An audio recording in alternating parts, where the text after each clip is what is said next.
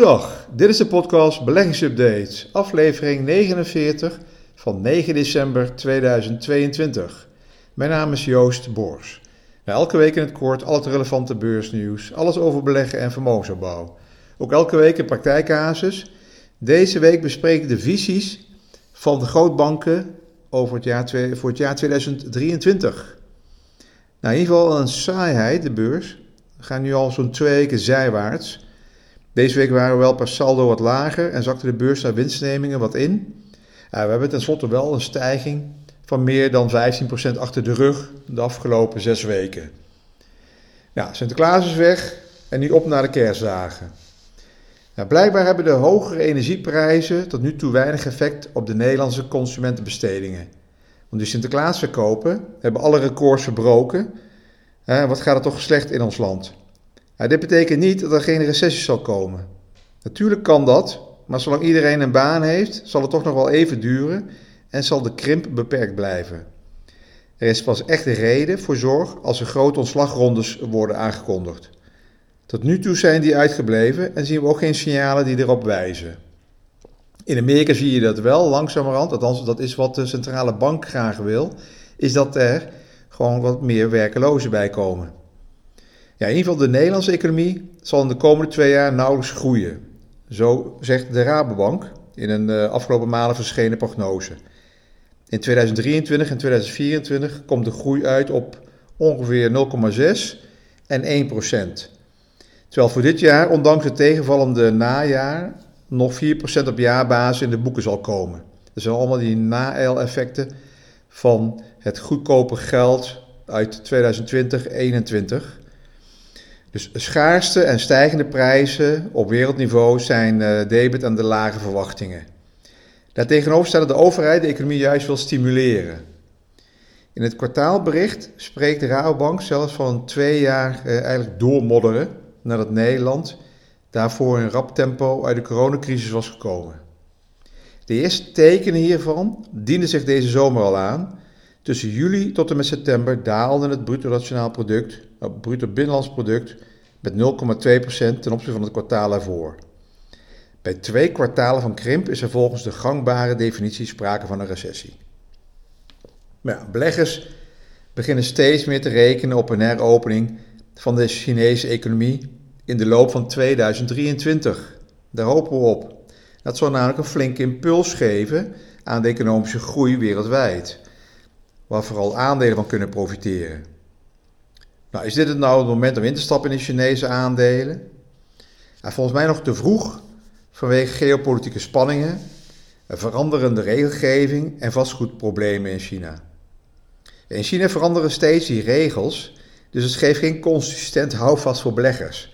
dan is er weer, uh, worden weer gesloten vanwege uh, corona, dan komen er protesten en dan gaan ze weer wat regels versoepelen.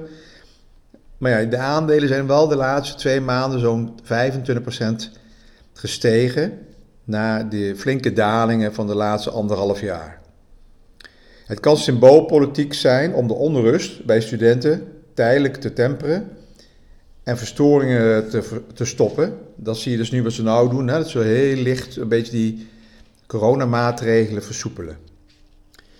Naast de aangekondigde maatregelen om die vastgoedsector in China te ondersteunen, hebben die coronaversoepelingen op de Chinese beurs ook al een positief effect gehad.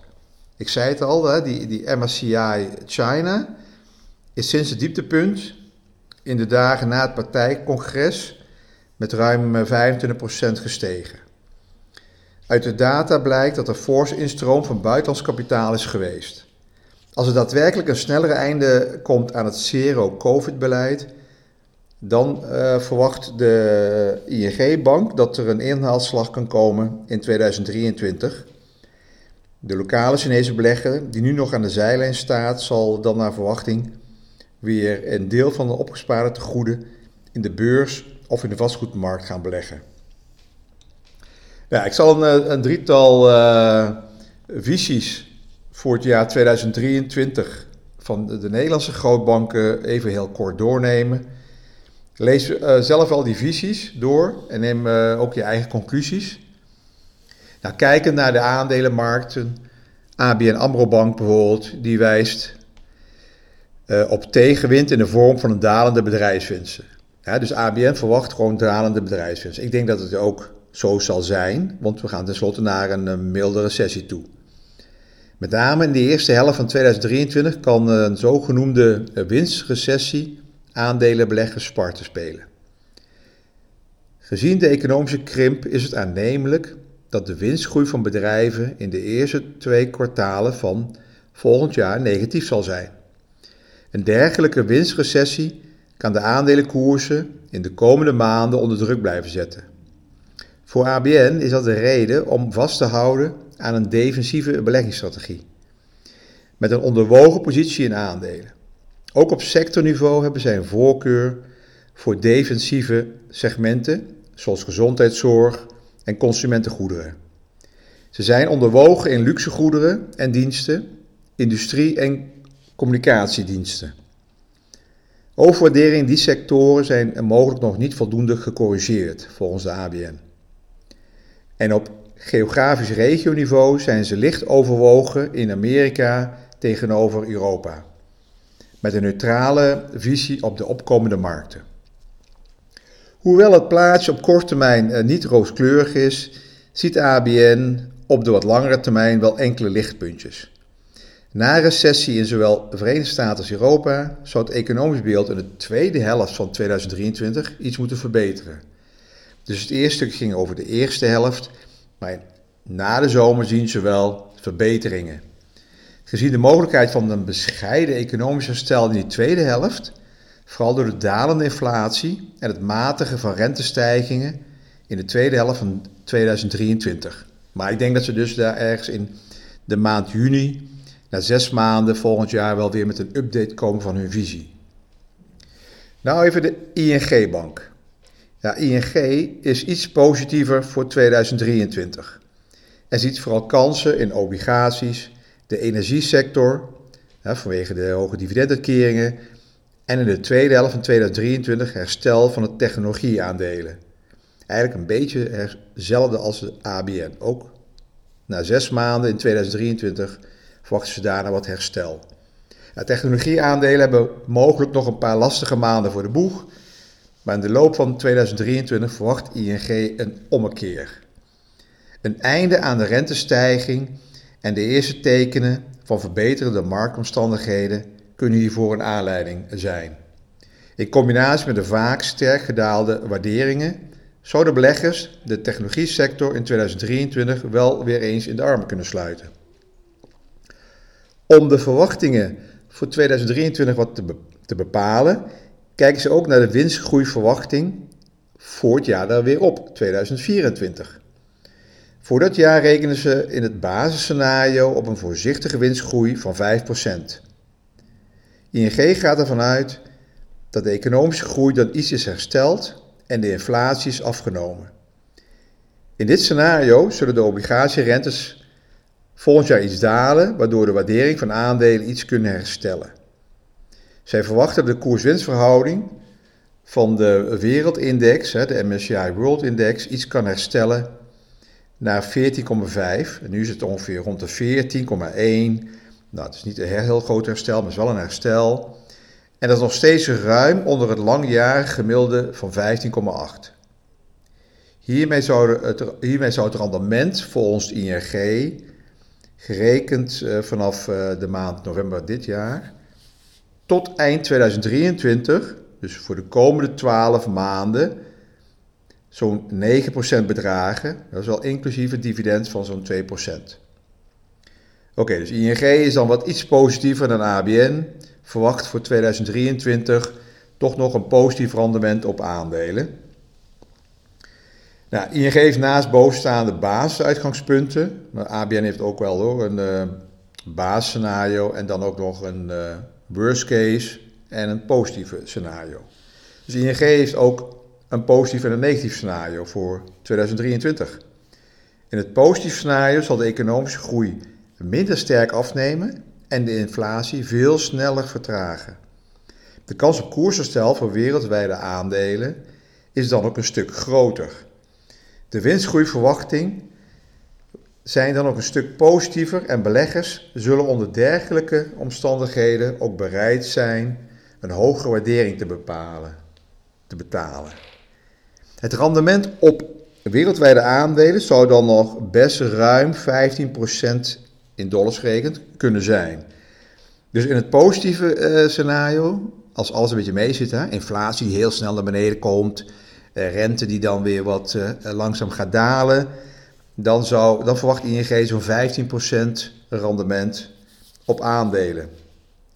Nou, aan de negatieve kant, minder economische groei, tegenvallende economische groei.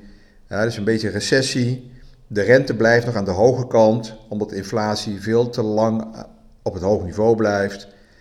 En dan verwacht ING dat ook een winstrecessie en een verdere daling van de uh, waardering van aandelen. En dan verwachten ze dus eigenlijk een soort min 10%. Ja, laten we het jaar positief afsluiten in gedachten en dan uh, uitgaan van een basisscenario. Dat zou voor iedereen wat leuker zijn. Nou, de laatste grote partij is de Rabobank. Kijk, deze drie grote banken die hebben ook het meeste vermogen onder hun beheer. Hè? Dus dat de meeste Nederlanders, het grootste deel van private banking gelden en vermogende gelden zitten bij de drie grootste banken. Nou, in het basisscenario van de Rabobank, ook hier hebben zij een basisscenario, dat uh, ongeveer 60% verwachten zij dat de basisscenario uit gaat komen, de hoogste kans, zien zij in 2023 een einde aan de renteverhogingen. De inflatie daalt en de wereldwijde groei neemt sterk af. We zien de inflatie, de uh, Rabo ziet de inflatie volgend jaar in Amerika zakken onder de 5, waar in Europa de inflatie nog blijft steken op circa 6. De afnemende economische activiteiten, minder problemen in de toeleveringsketens, lagere grondstofprijzen en de vertragende werking van de hoge rentes zorgen voor die afname van inflatie. Nou, in de loop van die de in de loop van 2023 dat er een einde komt aan renteverhogingen door die afnemende inflatiedruk. En dat dan uh, de centrale bank stopt met verhogingen. De Europese Centrale Bank die loopt iets uh, later. Hè, die, die stopt ongeveer bij een uh, 3% verhoging. De grootste aanpassing van de rente ligt hiermee achter de rug volgens de Rabobank omdat we dat in de laatste zes maanden van 2022 al behoorlijke renteverhoging hebben gezien. Nou, ze zullen, de Rabobank zegt dat ze zullen, de centrale banken zullen langer wachten met renteverlagingen, omdat die inflaties nog op een redelijk hoog niveau zitten. En ze willen voorkomen dat ze te vroeg beginnen met de teugels laten vieren, zoals ze in de begin jaren 80 deden, waardoor de inflatie weer terugkwam en langer op een hoog niveau bleef. De renteverlagingen verwacht de Rabobank pas in 2024. Nou, wat de Rabobank wel zegt, is dat die uh, aandelenwaarderingen in een uh, snel tempo naar beneden zijn gekomen. De koers-winstverhoudingen zijn wat lager. ABN uh, noemde dat ook al en ING ook al. Dus de koers-winstverhouding voor wereldwijde aandelenmarkt ligt gemiddeld op de 15. Dat was in 2022 nog ruim 18. Eh, Het dividendrendement bedraagt ongeveer 2,5%. Aandelen zijn dus nu redelijk geprijsd, vindt de Rabobank.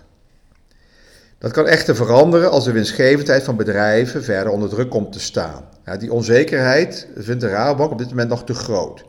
Dus Rabobank blijft ook een beetje aan de voorzichtige kant. Daarbij komt dat de veilige obligaties voor het eerst in jaren weer meedoen zoals bron van rendement als buffer in de beleggingsportefeuille.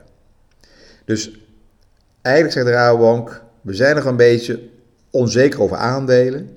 Het geheel overziend vinden we een neutrale weging van aandelen en obligaties in hun beheerportefeuilles een passende positionering om het jaar 2023 uh, eh, mee in te gaan. Dus Rabobank blijft een beetje uh, in het scenario van ABN. ING is wat positiever. Nou, dit zijn dan die verwachtingen van die drie grootste partijen. Uh, denk wel altijd dat een eh, visie altijd aangepast kan worden gedurende het spel, gedurende de looptijd. En het puur als uitgangspunt is van hoe ga je het jaar in. Hè? Alle banken hebben een visie. Dat doen ze altijd in de maand november, december. Dan komen ze met hele mooie glossy visies. Je kan ze ook online allemaal lezen. Uh, ze moeten ook een visie hebben, want de klanten zitten erop te wachten. Uh, een vermogensbeheerder zonder visie ja, is geen goede beheerder. Je moet een visie hebben, je moet een uitgangspunt hebben. Deze drie partijen hebben een uitgangspunt. Ze zitten aan de veilige kant, de voorzichtige kant. ING zit iets positiever.